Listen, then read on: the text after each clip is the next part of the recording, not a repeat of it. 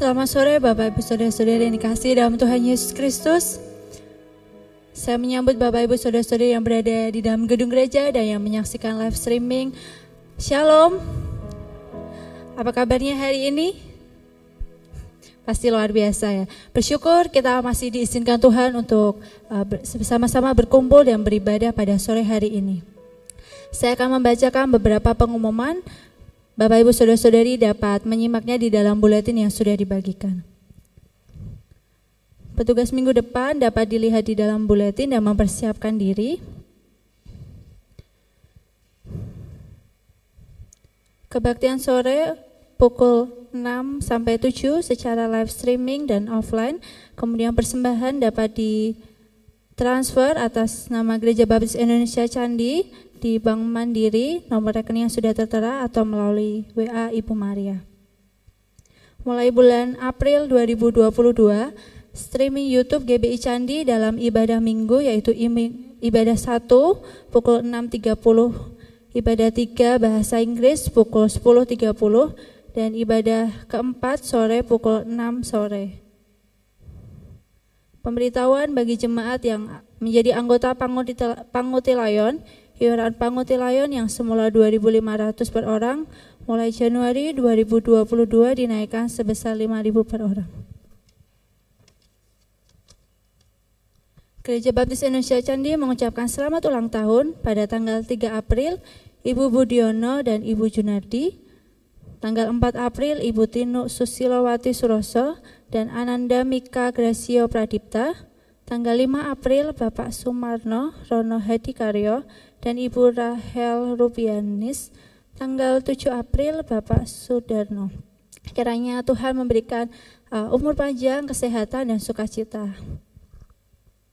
Saya mempersilahkan Bapak Ibu Saudara-saudari untuk bersaat teduh, kita ucapkan syukur kita dan kita menyiapkan hati kita untuk ibadah sore hari ini.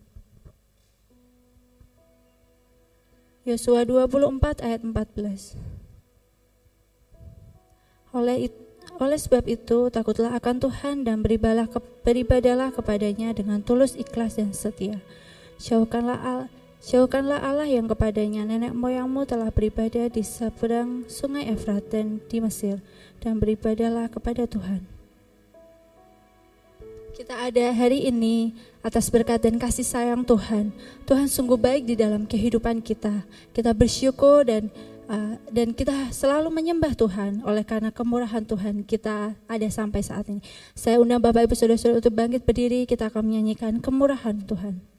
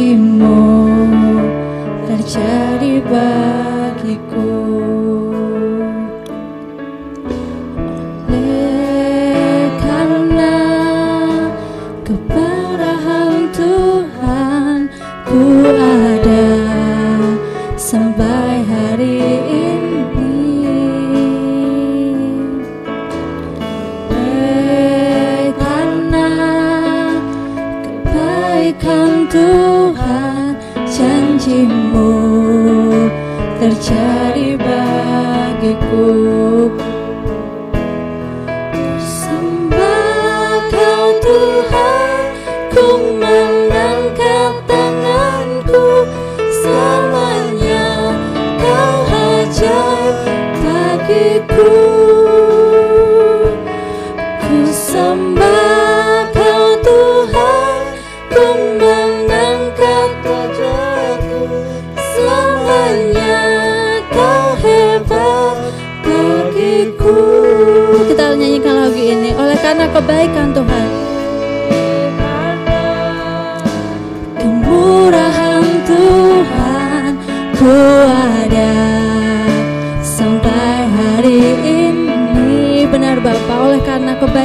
Tuhan.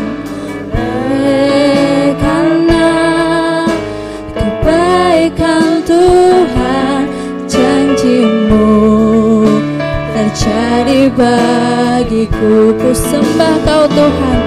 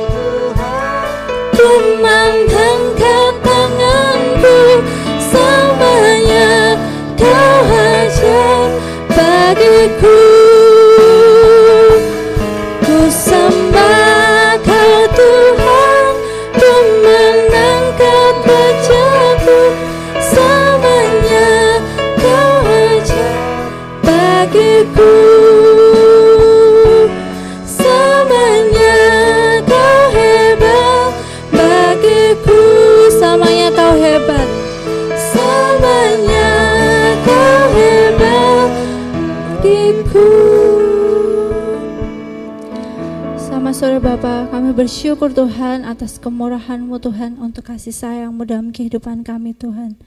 Terima kasih karena Engkau sudah selalu memberkati kami Tuhan hingga sampai saat ini. Saat ini Tuhan kami mau memulai ibadah sore pada hari ini Tuhan. Kiranya ibadah ini dari awal pertengahan hingga akhir Tuhan Yesus yang selalu menguduskan Tuhan. Terima kasih Bapak hanya dalam namamu Tuhan Yesus kami berdoa. Amin. Uh, Tema gereja bulan ini adalah uh, semakin rindu akan hadirat Tuhan diambil dari Mazmur 42 ayat 2 sampai 3. Mari kita bersama-sama membacanya sebanyak dua kali supaya kita bisa selalu mengingat bahwa semakin rindu Tuhan akan hadirat Tuhan. Satu, dua, tiga. Semakin rindu akan hadirat Tuhan. Mazmur 42 ayat 2 sampai 3. Sekali lagi, semakin rindu akan hadirat Tuhan.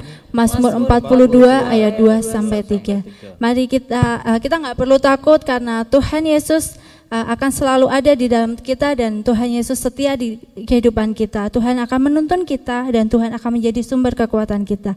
Denganmu Tuhan, kita akan menyanyikan lagu ini.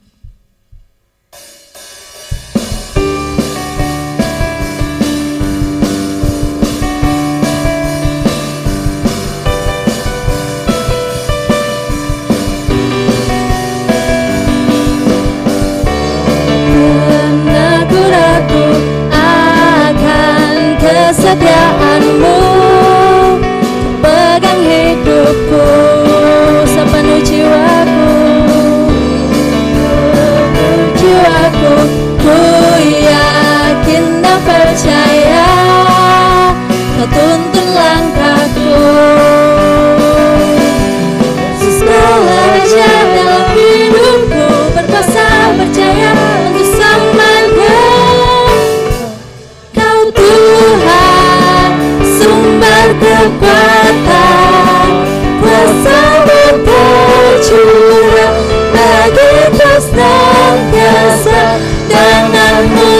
Tuhan ku kan berjalan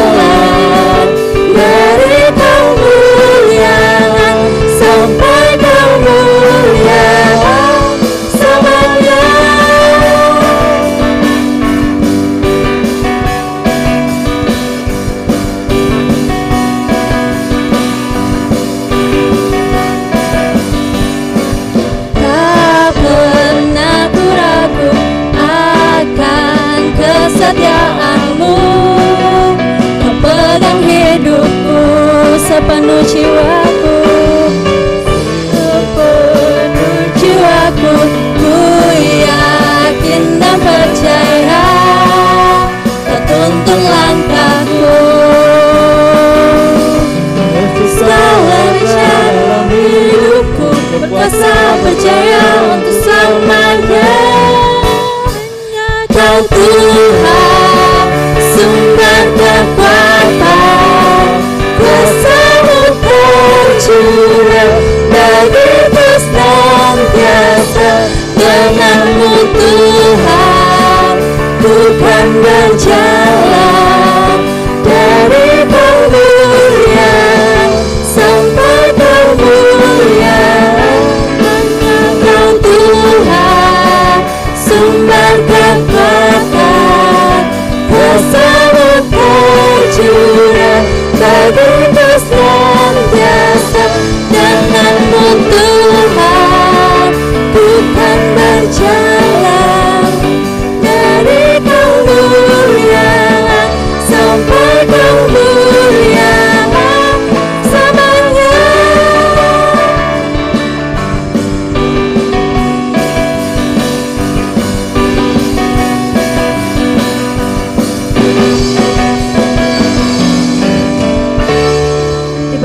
duduk kembali.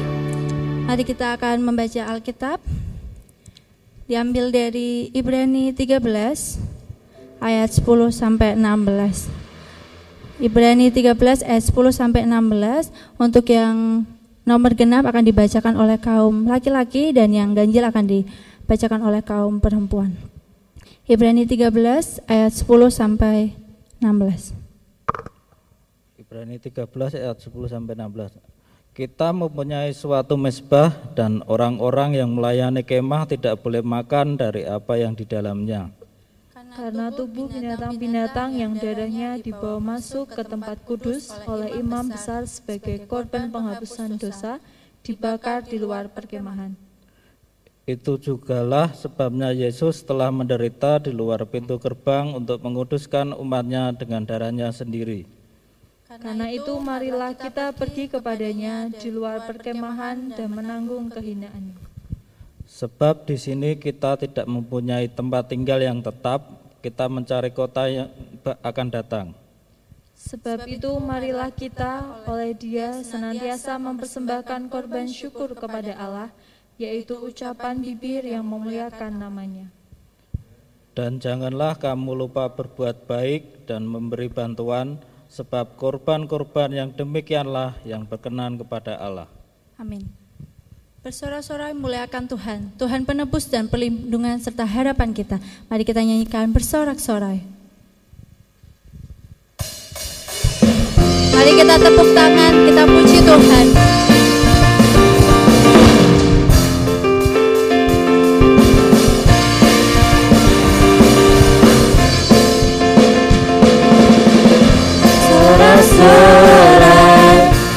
Muliakan namanya Dia berperang ganti kita Bertepuk tangan Muliakan namanya Dia jiwa kita. Katakan satu-satunya penebus. Satu-satunya penebus Kalahkan mahu bangkit dan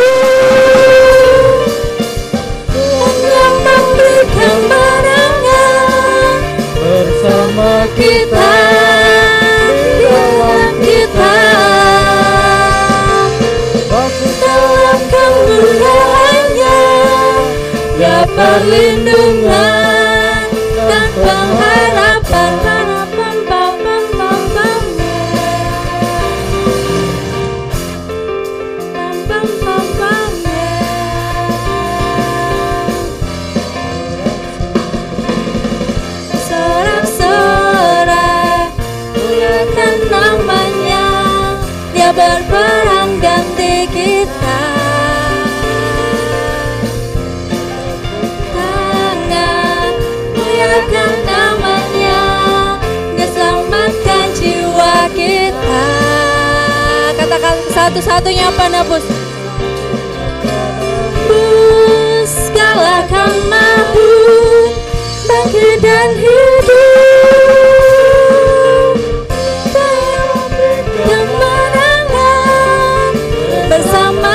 kita dalam kita. Dalam kemuliaannya dapat lindungan dan pengharapan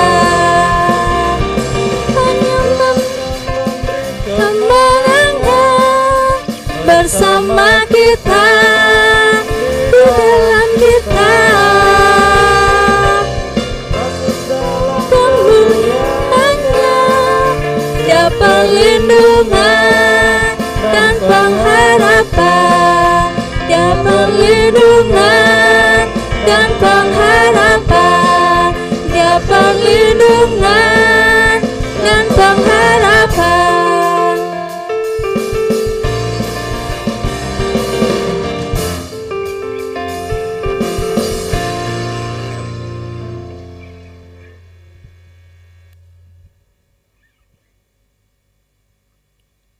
Mari kita siapkan hati kita untuk memberikan persembahan. Saya mengingatkan untuk kantong yang berwarna merah ada persembahan dan persepuluhan, untuk kantong yang berwarna biru untuk persembahan untuk gedung. Mari kita berdoa. Semoga kami mengucap syukur Tuhan, Tuhan sudah memberkati dan menyertai kami, Tuhan sudah kumpulkan kami di tempat ini untuk kami boleh memuji, menyembah dan memuliakan nama Tuhan dalam kebaktian pada sore hari ini. Dan saat ini Tuhan kami akan mengembalikan berkat yang Tuhan sudah nyatakan dalam hidup kami melalui persembahan dan persepuluhan ini. Kiranya Tuhan yang sucikan, kiranya Tuhan yang kuduskan persembahan kami, dan kiranya persembahan kami dapat layak dan berkenan di hadapan Tuhan, dan kiranya dapat menjadi alat untuk pekerjaan Tuhan di gereja ini. Terima kasih di surga, hanya di dalam nama Tuhan Yesus kami berdoa dan bersyukur selalu. Amin. Begitu besar kasih Allah pada kita. Mari kita akan menyanyikan berkat anak cucu.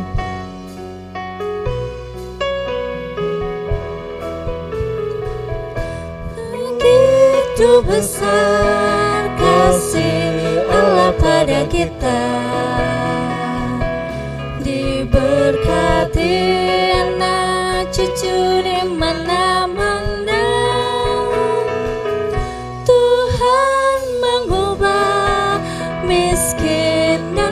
menjadi kaya.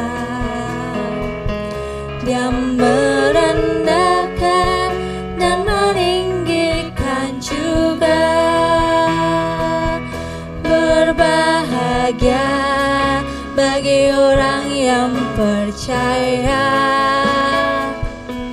Anak cucunya tidak akan meminta-minta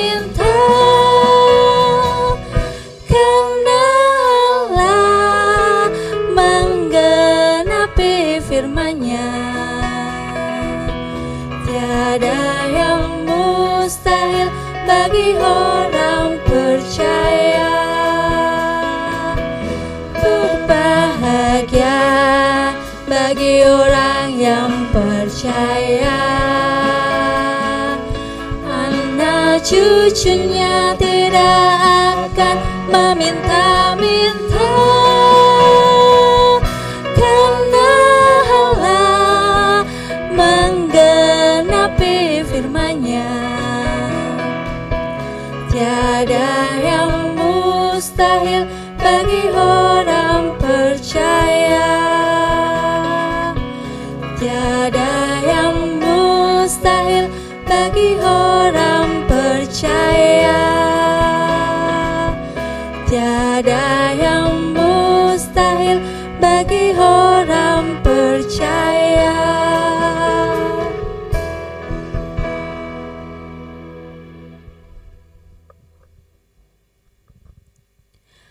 kita siapkan hati kita dan pikiran kita untuk mendengarkan firman Tuhan dan menikmati hadirat Tuhan.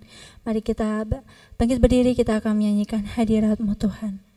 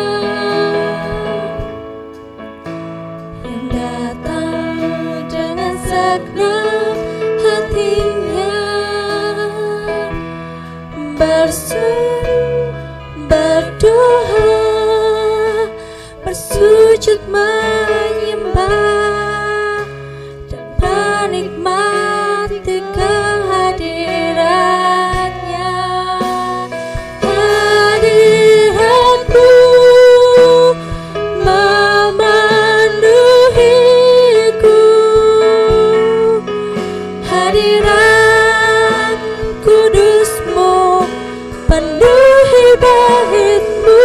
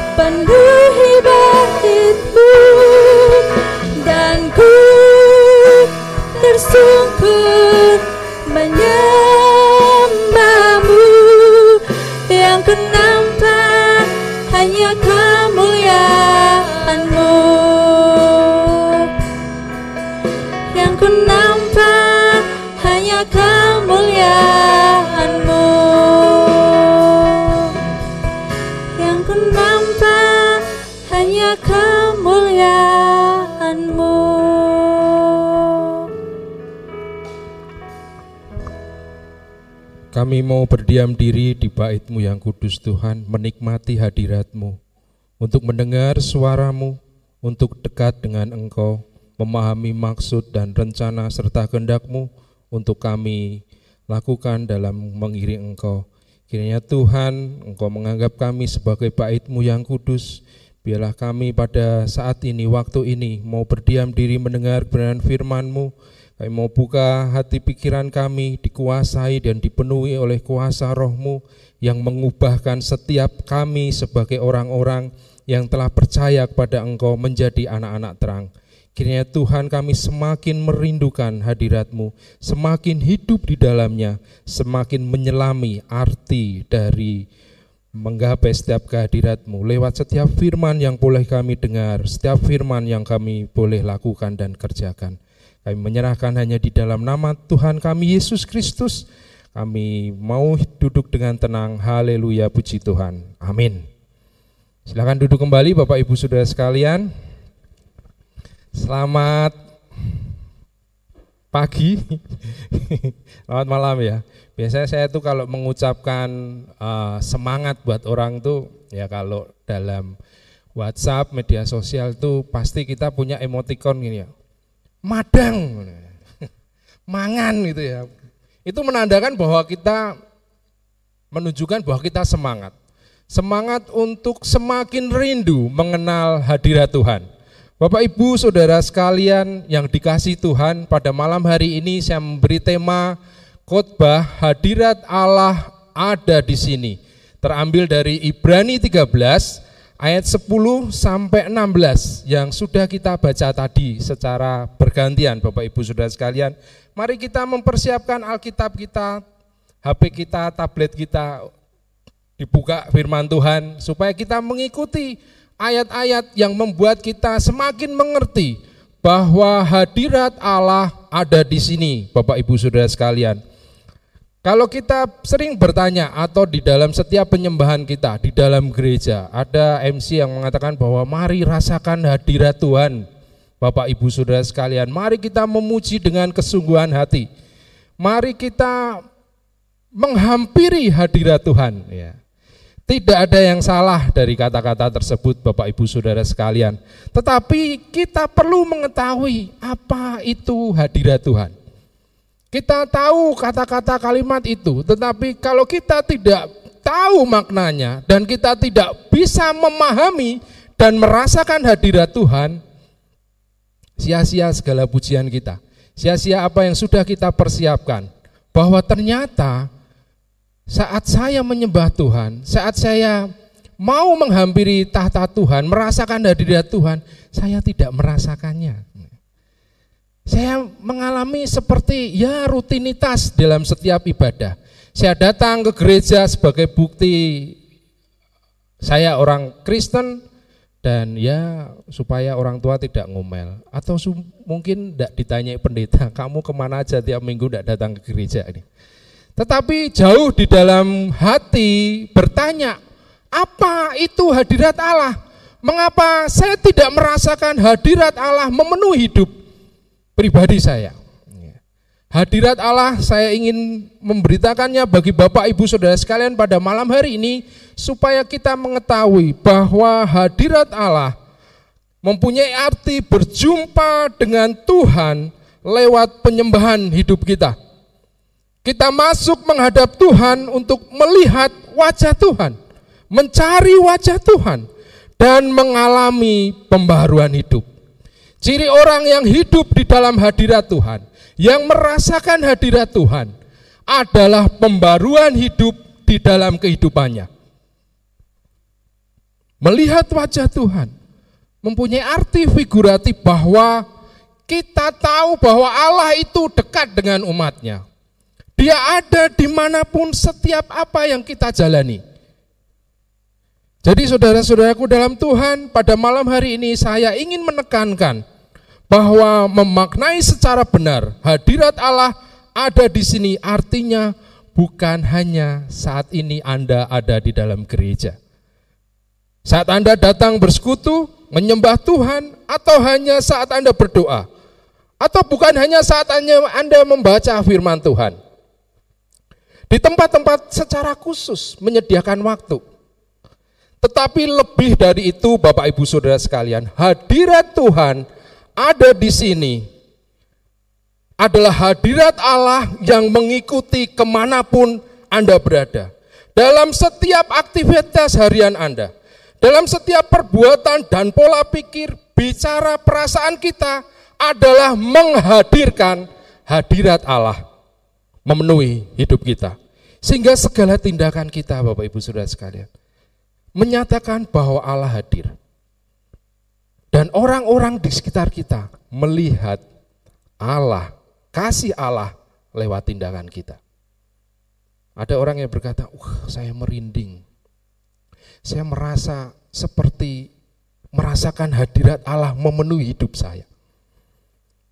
Tidak ada yang salah. Hadirat Allah menyatakan bahwa kita hidup di dalam hadirat Allah senantiasa. Bukan hanya merasakan saja, lewat setiap ibadah maupun persekutuan doa kita. Perlu kita mengerti Bapak Ibu Saudara sekalian bahwa hadirat Allah tidak bisa kita memaksa dan memanipulasi lewat perasaan-perasaan kita. Lewat setiap iringan musik, lewat setiap suasana yang menghanyutkan, lewat setiap tetesan air mata kita, lewat setiap jeritan tangisan kita Hadirat Allah tidak bisa dimanipulasi dengan perasaan-perasaan di luar hidup kita. Hadirat Allah itu memancar dari dalam kehidupan kita, mempengaruhi orang-orang di sekitar kita. Maka tidak heran Bapak Ibu Saudara sekalian, banyak di dalam setiap persekutuan dan ibadah, ada orang yang bisa merasakan hadirat Tuhan. Ada orang yang begitu memuji dengan sungguh-sungguh, tetapi ada juga orang yang memuji dengan ala kadarnya. Karena hadirat Allah tidak ditentukan oleh di luar setiap tubuh orang percaya. Tetapi hadirat Allah itu keluar di dalam hidup orang percaya. Mempengaruhi kehidupan Bapak Ibu Saudara sekalian. Baik mari kita melihat supaya kita bisa memaknai dan merasakan mengalami dan hidup di dalam hadirat Allah sehingga berdampak bagi kehidupan orang-orang di sekitar kita. Ada tiga hal. Lewat pembacaan yang kita baca secara silih berganti tadi, yang pertama Bapak Ibu Saudara sekalian bahwa merasakan dan mengalami hadirat Tuhan ada di sini adalah kita mengetahui bahwa status kita, kita telah dikuduskan dan mau mengejar kekudusan hidup. Dari ayat 13, 12 sampai 14, kita melihat Bapak Ibu Saudara sekalian di sana dikatakan itulah juga, itu jugalah sebabnya Yesus telah menderita di luar pintu gerbang untuk menguduskan umatnya dengan darahnya sendiri. Karena itu marilah kita pergi kepadanya di luar perkemahan dan menanggung kehinaannya. Sebab di sini kita tidak mempunyai tempat tinggal yang tetap kita mencari kota yang akan datang. Saudaraku dalam Tuhan, hadirat Tuhan selalu berhubungan dengan kekudusan hidup. Ketika Allah hadir, maka tempat di mana Allah hadir, di sekitarnya adalah tempat yang kudus. Bagi setiap orang yang mau menghampiri Allah, yang mau mencari wajah Tuhan dalam hadirat Allah, orang itu harus dikuduskan. Kita patut bersyukur Bapak Ibu Saudara sekalian, status kita adalah telah dikuduskan di dalam darah Yesus, diperdamaikan dengan Allah. Kita tidak lagi melakukan ritual pengudusan seperti di zaman perjanjian lama yang sering kali diceritakan di dalam Taurat Tuhan. Di dalam kitab imamat ada aturan-aturan untuk setiap orang mau menghampiri tahta Allah, menghampiri masuk ke baitnya yang kudus, tidak sembarangan. Langkah-langkah itu harus dilakukan dengan benar, tepat seperti yang diperintahkan Tuhan. Kalau meleset sedikit pun, hukuman Tuhan sudah menanti bagi orang-orang yang melanggar kekudusan di hadapan Tuhan. Mari kita mengetahui Bapak Ibu Saudara sekalian bahwa kita bisa menghadap pada Allah, merasakan hadirat Allah karena kita telah dikuduskan oleh tubuh dan darah Yesus yang telah dikorbankan darahnya dibawa masuk. Darah yang kudus itu sebagai pendamaian bagi kita untuk dapat masuk ke ruang maha kudus. Yesus adalah pengantara kita untuk menghadap Allah tanpa mengalami hukuman. Karena status inilah maka Allah berkenan tinggal di dalam hidup kita. Kita sekarang adalah bait Allah yang kudus. Hadirat Allah memenuhi hidup setiap orang yang percaya kepadanya. Ke mana pun kita pergi, seharusnya kita hidup di dalam hadirat Allah. Hadirat Allah ada di sini, bukan hanya di gereja. Anda bisa hidup di dalam hadirat Allah kalau Anda di gereja. Bisa memuji Tuhan, bisa mendengar kebenaran firman Tuhan, merasakan hadiratnya. Tetapi saat Anda keluar, apakah hadirat Allah itu masih memenuhi hidup Anda atau Anda dipenuhi oleh keinginan-keinginan daging. Tetapi jika kita tahu bahwa kita adalah bait Allah, maka hadirat Allah itu senantiasa mengikuti hidup kita. Selalu ada di dalam kehidupan kita, berbicara secara konsisten di dalam hidup kita. Bahwa setiap apa yang kita lakukan kita melakukan untuk menjaga kekudusan yang sudah Tuhan berikan dan kita mengejar kekudusan Tuhan. Bapak Ibu Saudara sekalian di dalam Yesus, perlu kita ingat bahwa hadirat Allah dapat kita rasakan, memenuhi hidup kita jika kita dapat menjaga kekudusan hidup. Kita bisa mendengar suara Tuhan. Kita bisa mengerti kehendak Tuhan. Tuhan datang memenuhi tempat yang kudus. Kita melihat dalam Ibrani 12 ayat 14. Bapak Ibu Saudara sekalian, mari kita buka ayat sebelumnya Ibrani 12 ayat 14. Di sana dikatakan dengan jelas Bapak Ibu Saudara sekalian yang mengawali konteks ayat pasal 13. Berusahalah hidup damai dengan semua orang dan kejarlah kekudusan sebab tanpa kekudusan tidak seorang pun akan melihat Tuhan. Jelas Bapak Ibu Saudara sekalian, bahwa hadirat Allah itu harus terus konsisten di dalam kehidupan kita. Karena kita mau menjaga kekudusan hidup kita. Kita mau mengejar kekudusan. Tanpa kekudusan orang tidak akan melihat Allah. Orang tidak dapat mendengar suara Tuhan. Orang tidak bisa bertemu wajah dengan Tuhan yang artinya Allah begitu dekat dengan kita. Kejarlah kekudusan. Memang kita, kita telah dikuduskan, tetapi bagaimana kita mengejar kekudusan itu? Hati, pikiran, tindakan kita tidak mencemarkan kenajisan yang mencemarkan tubuh kita. Tubuh yang telah dikuduskan oleh darah Kristus. Biarlah itu kita gunakan untuk perbuatan-perbuatan yang berkenan di hadapan Tuhan. Menjauhi kehidupan hawa nafsu, keinginan-keinginan daging. Hidup menuruti Allah, maka hidup kita akan senantiasa kudus dan Allah terus memerintah di dalam hidup setiap orang percaya. Jadi penting Bapak Ibu Saudara sekalian untuk kita langkah yang pertama untuk memahami, merasakan dan hidup di dalam hadirat Allah, kita perlu menjaga kekudusan yang sudah menjadi status kita, tetapi kita harus juga mengejar untuk menjaga kekudusan itu. Tanpa kekudusan kita tidak dapat mendengar suara Allah, tanpa kekudusan kita tidak mengerti kehendak Allah. Sehingga setiap pribadi kita, setiap tindakan kita, pikiran-pikiran kita tidak mencerminkan hadirat Allah di dalam hidup kita. Kita hanya menjadi orang-orang yang temporer, temporer seminggu sekali ya karena di gereja. Kata-katanya bagus, tindakannya bagus, penyembahnya bagus. Enam hari selanjutnya tidak ada hadirat Allah yang bisa kita hadirkan untuk orang-orang bisa melihat Allah di dalam tindakan kita. Mari kita melihat bahwa ayat 13 mengatakan karena itu marilah kita pergi kepadanya di luar perkemahan dan menanggung kehinaannya. Dengan menjaga kekudusan, hidup kita adalah hidup dalam hadirat Allah. Hidup di dalam hadirat Allah adalah menghormati Allah dan menyenangkan Allah. Kita tahu bagaimana menghormati Allah. Kita tahu bagaimana menyenangkan Allah. Mari kita pergi kepadanya di luar perkemahan dan menanggung kehinaannya.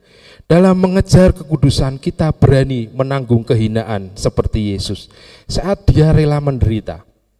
Kita diingatkan arti Paskah Bapak Ibu Saudara sekalian. Ia rela dicaci maki mencurahkan darahnya di kayu salib, diludahi, dicambuk sehingga kita dikuduskan dan diperdamaikan dengan Allah. Kita pun juga punya kewajiban mau pikul salib Kristus dengan rela menderita, mempertahankan iman kita dengan menjauhi kesenangan dosa. Lawan dari kekudusan hidup adalah kesenangan dosa. Ketika Anda bisa menghindari kesenangan-kesenangan dosa, yaitu keinginan-keinginan daging yang ingin dipuaskan, maka Anda berusaha untuk mengejar dan menjaga kekudusan itu. Ketika kita mampu menjaga kekudusan hidup dengan rela menderita, menjauhi kesenangan dosa, maka kita akan mendapatkan upah. Ayat 16 dikatakan upah dari menjaga kekudusan hidup, kekudusan hidup adalah menempati kota yang akan datang, kota yang dibangun oleh Allah, yaitu tanah air surgawi yang hanya dihuni oleh orang-orang yang telah dikuduskan dan menjaga kekudusan. Sehingga mereka akan sungguh-sungguh berhadapan muka dalam hadirat Allah secara sebenar-benarnya alias nyata. Anda tidak lagi melihat mencari Allah gambaran seperti apa, tetapi Anda berhadapan muka dengan muka secara nyata menyatakan hadirat Allah sebenar-benarnya alias nyata kita bertemu dengan Allah di dalam kota surgawi yang dasarnya dibangun oleh Allah. Yang kita lakukan sekarang adalah bayangan dari apa yang pasti di surga. Saat kita menggunakan waktu ini dengan benar Bapak Ibu Saudara sekalian, kita akan mendapatkan kenyataan bahwa saatnya suatu saat nanti bicara tentang masa depan bersama Kristus, kita akan benar-benar nyata melihat Allah dalam wujud aslinya. Yang kedua Bapak Ibu Saudara sekalian yang perlu kita lakukan adalah bibir yang memuliakan Allah. Sebab itu di ayat 15, sebab itu marilah kita oleh dia senantiasa mempersembahkan korban syukur kepada Allah, yaitu ucapan bibir yang memuliakan namanya. Bersyukur dalam keadaan apa pun bahwa Tuhan bekerja. Ucapan bibir yang memuliakan Allah. Bibir ini adalah bagian kecil dari tubuh kita. Tapi bagian kecil ini dapat membawa perbedaan yang luar biasa dalam hubungan kita di hadapan Allah. Dalam kita menikmati hadirat Allah, dalam kita menghadirkan hadirat Allah. Bibir yang memuliakan Allah adalah gambaran kualitas hati orang percaya. Menunjukkan kualitas hati orang percaya. Bibir yang sanggup memuji Allah, bibir yang mengucapkan syukur atas segala apa yang sudah kita terima, senantiasa menunjukkan kualitas hati orang percaya. Kata-kata yang diucapkan oleh bibir adalah hasil dari ungkapan hati yang dirasakan. Mau menyembah Tuhan, mau menghampiri Tuhan. Daud berkata, Bapak Ibu Saudara sekalian, bibir itu adalah pintu dari hati.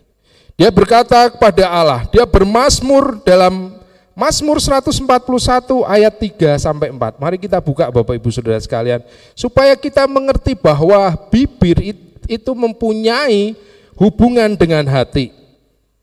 Daud berkata dalam Mazmur 141 ayat 3 sampai 4, "Awasilah mulutku ya Tuhan, berjagalah pada pintu bibirku." Ayat 4, "Jangan condongkan hatiku kepada yang jahat." Untuk melakukan perbuatan-perbuatan yang fasik bersama-sama dengan orang-orang yang melakukan kejahatan dan jangan aku mengecap sedap-sedapan mereka kesenangan dari dosa.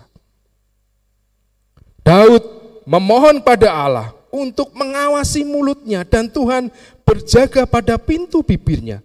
Ketika hati jahat, kata-kata yang keluar dari bibir menjadi senjata yang mematikan, saudaraku.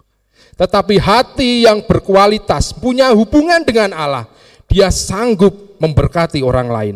Dia sanggup mengucapkan syukur dalam keadaan apa pun. Baik itu setiap kesulitan, himpitan, cacian, makian. Dia tetap bisa mengucap syukur kepada Tuhan. Karena saat ia ada di dalam hadirat Tuhan, lewat setiap bibir yang memuliakan namanya, senantiasa setiap orang percaya memahami bahwa Allah sedang mendidik kita, menguatkan kita. Saat kita ada di dalam hadirat Allah, kita mengetahui bagaimana menggunakan bibir kita.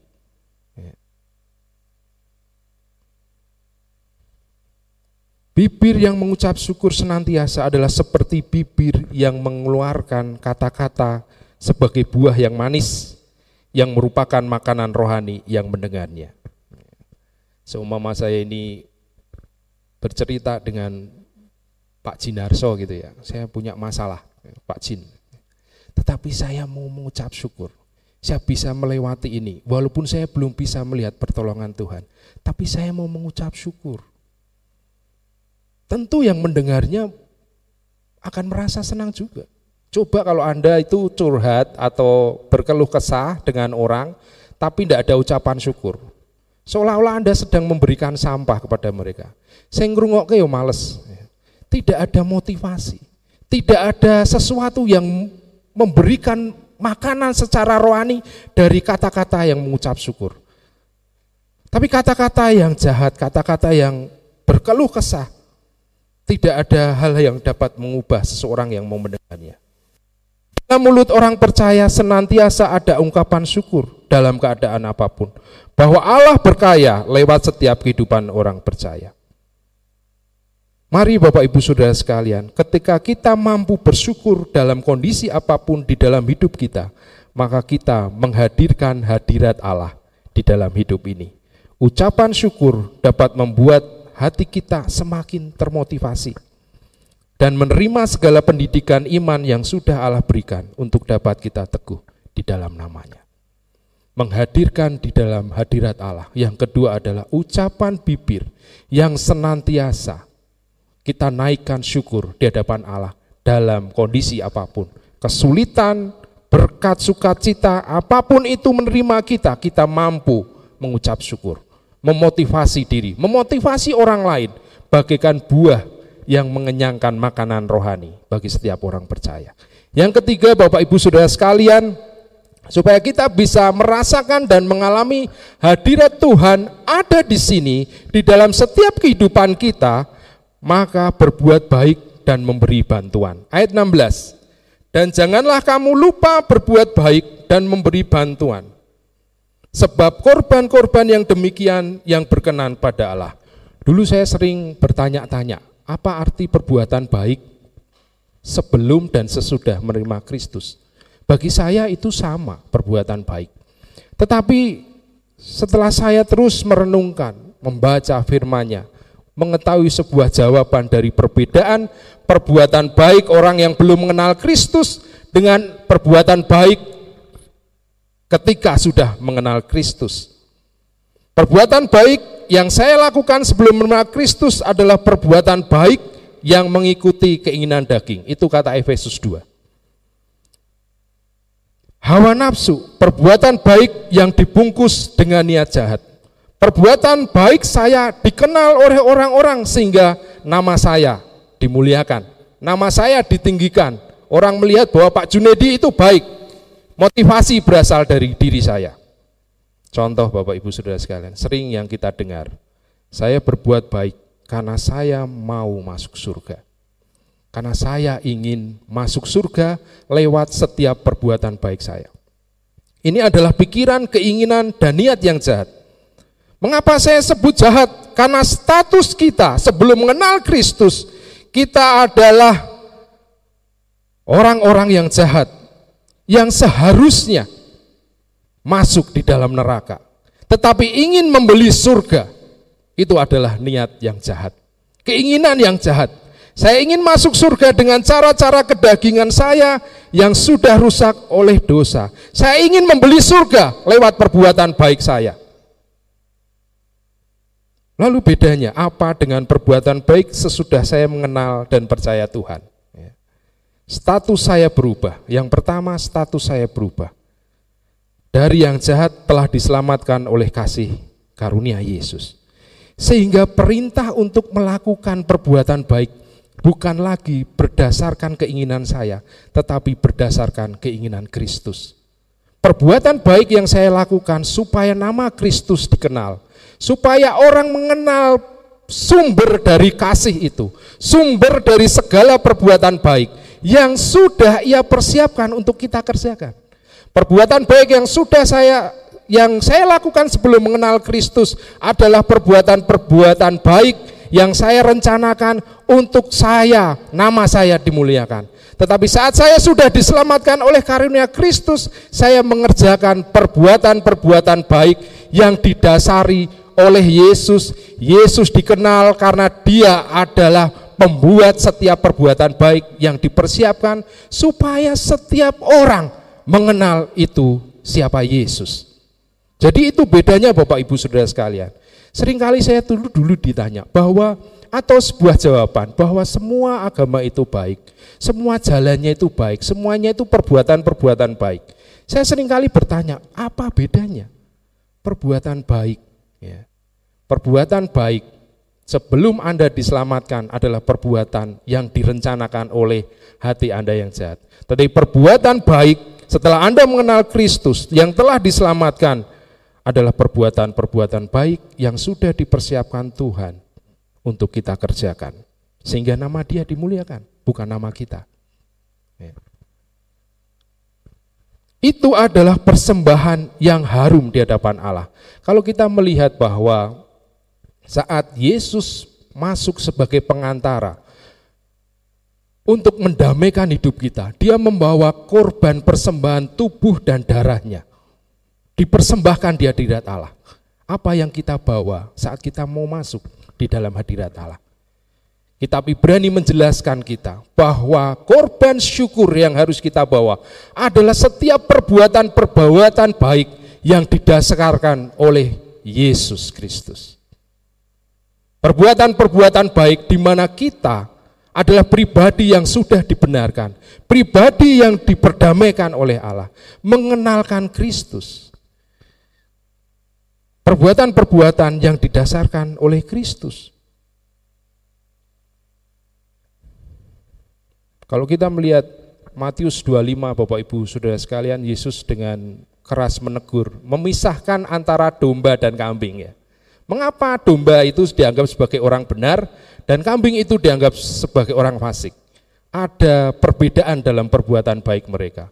Bahwa domba-domba, orang yang benar ini bisa melihat bahwa orang-orang yang hina, orang-orang yang membutuhkan makanan, orang-orang yang kehausan, orang-orang asing yang butuh tumpangan, mereka melihat bahwa mereka harus melakukan seperti Yesus mengasihi mereka. Ketika Yesus menegur orang-orang fasik, di mana engkau saat aku kelaparan? Saat aku haus, di mana engkau? Saat aku sebagai orang asing, engkau tidak memberikan aku tumpangan. Ya. Itulah Bapak Ibu Saudara sekalian, perbuatan baik yang didasari oleh perbuatan baik di dalam Yesus dan perbuatan baik yang didasari oleh keinginan diri sendiri sangat beda melihat orang-orang yang disebut sebagai domba-domba Allah melihat bahwa Allah mengasihi orang-orang yang hina, yang butuh bantuan, orang-orang yang tidak dianggap oleh dunia, tetapi anak-anak Allah hadir untuk memberikan perbuatan baik pada mereka. Mari kita terus diam di dalam hadirat Tuhan, Bapak Ibu Saudara sekalian kita menjadi pribadi yang kudus, mengejar kekudusan itu. Bukan saat Anda di sini, bukan Anda saat di rumah berdoa, tetapi saat Anda melangkah keluar, tindakan Anda, pikiran Anda, ucapan bibir Anda, mata Anda, tangan Anda, kaki Anda menghadirkan hadirat Allah, sehingga orang melihat Allah atas segala tindakan-tindakan Allah. Anda dipenuhi oleh hadirat Allah. Karena Anda, anda menjaga kekudusan. Anda bisa bersikap. Anda bisa menjaga kekudusan itu.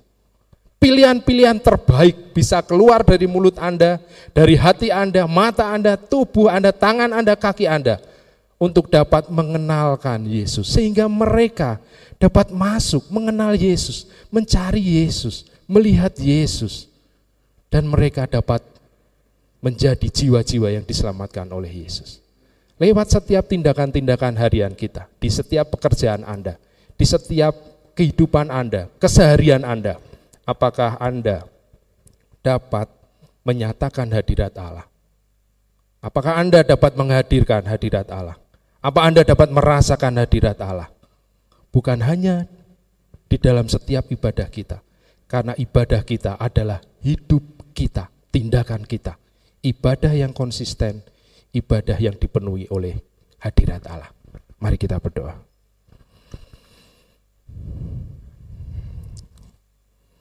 Kami bersyukur Tuhan untuk kasih dan anugerah-Mu. Oleh karena kebenaran firman-Mu, kami mengerti bagaimana kami harus selalu menghadirkan hadirat Allah di dalam kehidupan kami.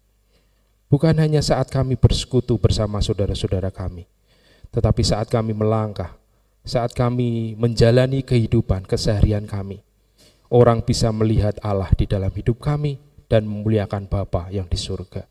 Merasakan hadirat Anda, mengenal Yesus. Terima kasih Tuhan sudah menasihati, menegur kami oleh kebenaran firman-Mu Tuhan. Kami mau membuka hati kami. Kami mau menyadari Tuhan. Kami tidak mau mengeraskan hati kami. Supaya kami senantiasa mendapatkan pembaruan di dalam hidup ini supaya setiap hari kami mengiring Engkau, kami mengerti kehendak-Mu, kami menjalani kehidupan dengan menjaga kekudusan hidup, senantiasa bersyukur dalam setiap perbuatan baik. Biarlah itu menjadi komitmen kami Bapa, kesadaran kami untuk terus melayani Engkau. Terima kasih Tuhan, Kau beri waktu hambamu yang terbatas ini untuk menyampaikan kebenaran firman-Mu. Firman itu kiranya tumbuh di dalam setiap hati kami, menjadi terang bagi jalan kami, mengubah hidup kami. Haleluya, puji Tuhan. Amin. Bapak Ibu Saudara sekalian, pada malam hari ini, biarlah kita dapat mengintrospeksi kehidupan kita di dalam menyembah Tuhan, di dalam mengikut Tuhan. Jika Bapak Ibu Saudara sekalian ingin didoakan, ingin mengubah komitmen, untuk tetap konsisten di dalam Tuhan. Silakan Bapak Ibu Saudara sekalian bisa maju ke depan, mohon pada Tuhan didoakan oleh pendeta kita, Bapak Pendeta Eko Kurnia di MTH, untuk dapat terus menjalani kehidupan bersama Tuhan, mengerti kehendak Tuhan, merasakan hadirat Tuhan, itu yang penting. Saat Anda bisa merasakan hadirat Tuhan, Anda menjadi berkat, Anda mengenalkan Kristus di mana pun Anda berada. Mari maju Bapak Ibu Saudara sekalian. Atau Anda mungkin ingin mengenal Kristus lebih dalam lagi. Mengaku dia sebagai Yesus dan Juru Selamat Anda. Selama ini Anda mungkin hanya melihat bahwa Kristus itu adalah orang yang baik. Tetapi kalau Anda membuka diri Anda, membiarkan kuasa roh kudus bekerja, melihat Yesus adalah Juru Selamat Anda yang menunggu Anda, menunggu Anda untuk datang menikmati kasih anugerahnya.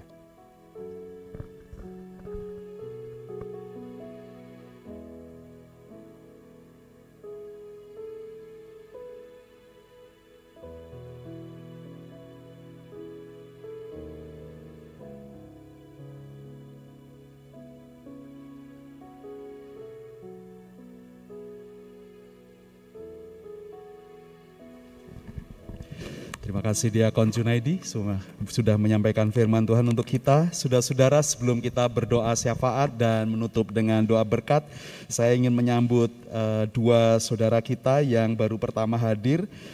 Uh, saya persilahkan berdiri, uh, saudara Elvandi uh, Radivi, Raidivi. Ya, terima kasih bisa bersama-sama dengan kami baktian hari ini dari GKII Ungaran ya. Kemudian yang kedua, eh, Saudara Bayu Rahma.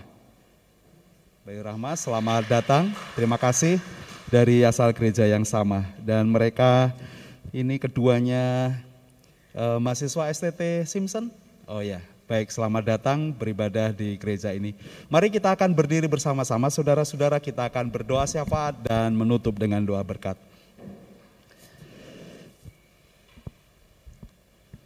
Bapa di dalam surga kami bersyukur karena pengorbanan Tuhan dan kami bersyukur karena Engkau menjadi imam besar bagi kami, perantara kami dengan Bapa, sehingga hadiratmu ada di tengah-tengah kami, kami bisa menyembah Tuhan dan kami juga memberikan diri kami agar Engkau memerintah diri kami sehingga hadirat itu juga mengalir melalui kehidupan kami. Terima kasih untuk firman-Mu. Tuhan saat ini kami bersama dengan jemaat-Mu bersyafaat bagi bangsa kami. Berkatilah pemimpin-pemimpin kami dengan hikmat bijaksana daripada Tuhan yang menolong mereka untuk mengatur, mengelola negeri ini supaya bangsa kami sekalipun masih ada di masa pandemi, kami bisa eh, menjalankan kehidupan kami dengan baik dan kami sungguh bersyukur semua yang sudah diambil eh, langkah-langkah oleh pemerintahan kami dengan baik dan disambut dengan uh, sukacita, dengan semangat dari seluruh rakyat Indonesia. Dan kami percaya Tuhan, sekalipun kami uh, juga sedang menghadapi beberapa kenaikan barang-barang uh, kebutuhan rakyat dengan rantai distribusi yang agak seret, kami mohon kepada Tuhan, biarlah Tuhan akan menolong, memperlancar, dan biarlah semua kebutuhan-kebutuhan terutama di masa uh, bulan puasa dan uh, masuki uh, nanti perayaan Idul Fitri supaya tidak ada gejolak dan biarlah semua dapat terkendali, tidak ada kekacauan secara politik, secara sosial, ekonomi, tetapi karena Tuhan memberkati pemimpin-pemimpin kami dari tingkat pusat sampai dengan yang di daerah untuk dapat bekerja sama dengan seluruh komponen rakyat ini untuk mengendalikan segala sesuatunya. Dan kami bermohon kepada Tuhan, biarlah uh, pemerintahan kami juga dalam mengantisipasi penyebaran uh, virus corona dengan berbagai macam cara yang dilakukan karena diperkirakan 70 uh, juta orang akan uh, bergerak dalam arus mudik dan supaya regulasi yang ditetapkan pemerintahan kami uh, Tuhan beri hikmat kepada mereka dan juga kedisiplinan dari seluruh rakyat Indonesia juga. Kami mohon kepada Tuhan berkatilah. Berkatilah juga secara global uh, krisis global yang masih berlangsung dan ditambah dengan uh, peperangan yang ada di Ukraina dengan banyaknya korban yang berjatuhan dari orang-orang lansia, dari mereka sampai kepada anak-anak yang belum mengerti apa-apa, uh, mereka menjadi korban. Dan kami mohon biarlah uh, Tuhan akan melawat uh, pemimpin-pemimpin yang sedang bertikai dari Ukraina maupun Rusia, supaya mereka dapat mengekang diri mereka, menguasai diri mereka, dan mengutamakan kepentingan orang banyak dan terutama uh, pasca perang yang begitu uh, sangat membuat oh, penderitaan yang besar bagi seluruh uh, rakyat mereka, terutama di Ukraina. Dan biarlah semua kesepakatan gencatan senjata dan perdamaian yang diambil supaya dapat diteruskan dan diimplementasikan dengan baik terutama di Ukraina. Dan kami mohon pemimpin-pemimpin dunia juga akan diberkati oleh hikmat dan pertolongan Tuhan supaya mereka juga dapat berkontribusi untuk perdamaian dunia ini. Terima kasih Tuhan. Inilah doa syafaat kami. Kami berdoa supaya gerejamu di tempat ini setiap uh, anggota gereja, kami semua bisa melayani orang-orang yang ada di sekitar kami Tuhan memampukan kami, memberikan tangan-tangan kami yang terampil dan kuat dengan kuasa yang daripada Engkau akan menolong setiap mereka melalui pelayanan sosial kami, lewat compassion, lewat uh, sekolah kami, dan melalui pelayanan penginjilan misi yang Tuhan kerjakan melalui dan di dalam gereja ini. Terima kasih Bapa, terima kasih. Kami ingin bergantung kepada kuasa rohmu yang kudus, Engkau memberikan kekuatan, menambahkan hikmat kepada kami, kasih dan sukacita sehingga kami dapat melayani uh, lingkungan kami, orang-orang yang berinteraksi dengan kami dengan baik, dengan kuasa Allah dan kebenaran yang bekerja di dalam kehidupan kami. Terima kasih Tuhan. Inilah doa dan syafaat kami. Kami naikkan di dalam nama Tuhan Yesus Kristus kami berdoa. Jemaat Tuhan pulanglah, bawalah berkat dan kasih sayang dari Bapa di dalam Tuhan Yesus Kristus dan Roh Kudus. Dengarkanlah dia maka dia akan memberitahukan jalan-jalannya kepadamu sehingga engkau diberkati. Diberkati dengan kasih dan sukacita. Kebajikan dan kemurahan Tuhan akan mengikutimu ke mana pun kau pergi. Engkau akan diberkati dengan kesehatan, perlindungan dari segala macam penyakit dan bahaya. Dia akan memberkatimu dengan anak-anak dan keturunanmu akan menjadi berkat bagi bangsa-bangsa. Dia akan memelihara kehidupanmu secara total dan melimpahkan rezeki dengan murah hati dan setiap tangan-tanganmu yang bekerja diberikan keberhasilan dan keberuntungan dan saksikanlah pada orang lain apa yang sudah Bapamu perbuat dalam kehidupanmu sehingga orang melihat perbuatan Bapamu yang baik dan mereka juga menyembah Bapamu yang di sorga. Terima kasih Tuhan Yesus inilah ibadah kami korban syukur dan puji-pujian kami naikkan untuk Engkau saja, Yesus Kristus, kepala gereja kami dari sekarang sampai selama-lamanya. Haleluya. Amin.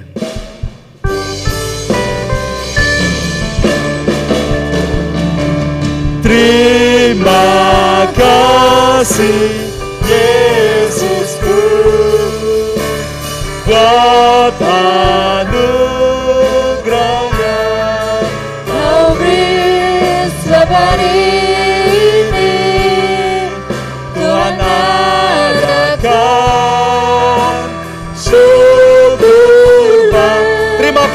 Yesusku buat anugerahmu.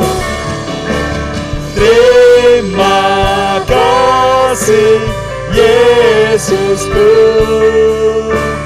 God anugerah yang Kau beri setiap hari ini. Tuhan adakan syukur Sebab hari adakan Sebab hari ini. Tuhan adakan syukur bang. Sebab gereja ini Tuhan adakan. Sebab gereja ini Tuhan adakan. Syukur. Sekali lagi Sebab hidup kami Tuhan adakan Sebab hidup kami Tuhan adakan Syukur bagimu Silakan ambil satu teduh saudara-saudara Selamat malam. Semakin rindu akan hadirat Tuhan. Tuhan Yesus memberkati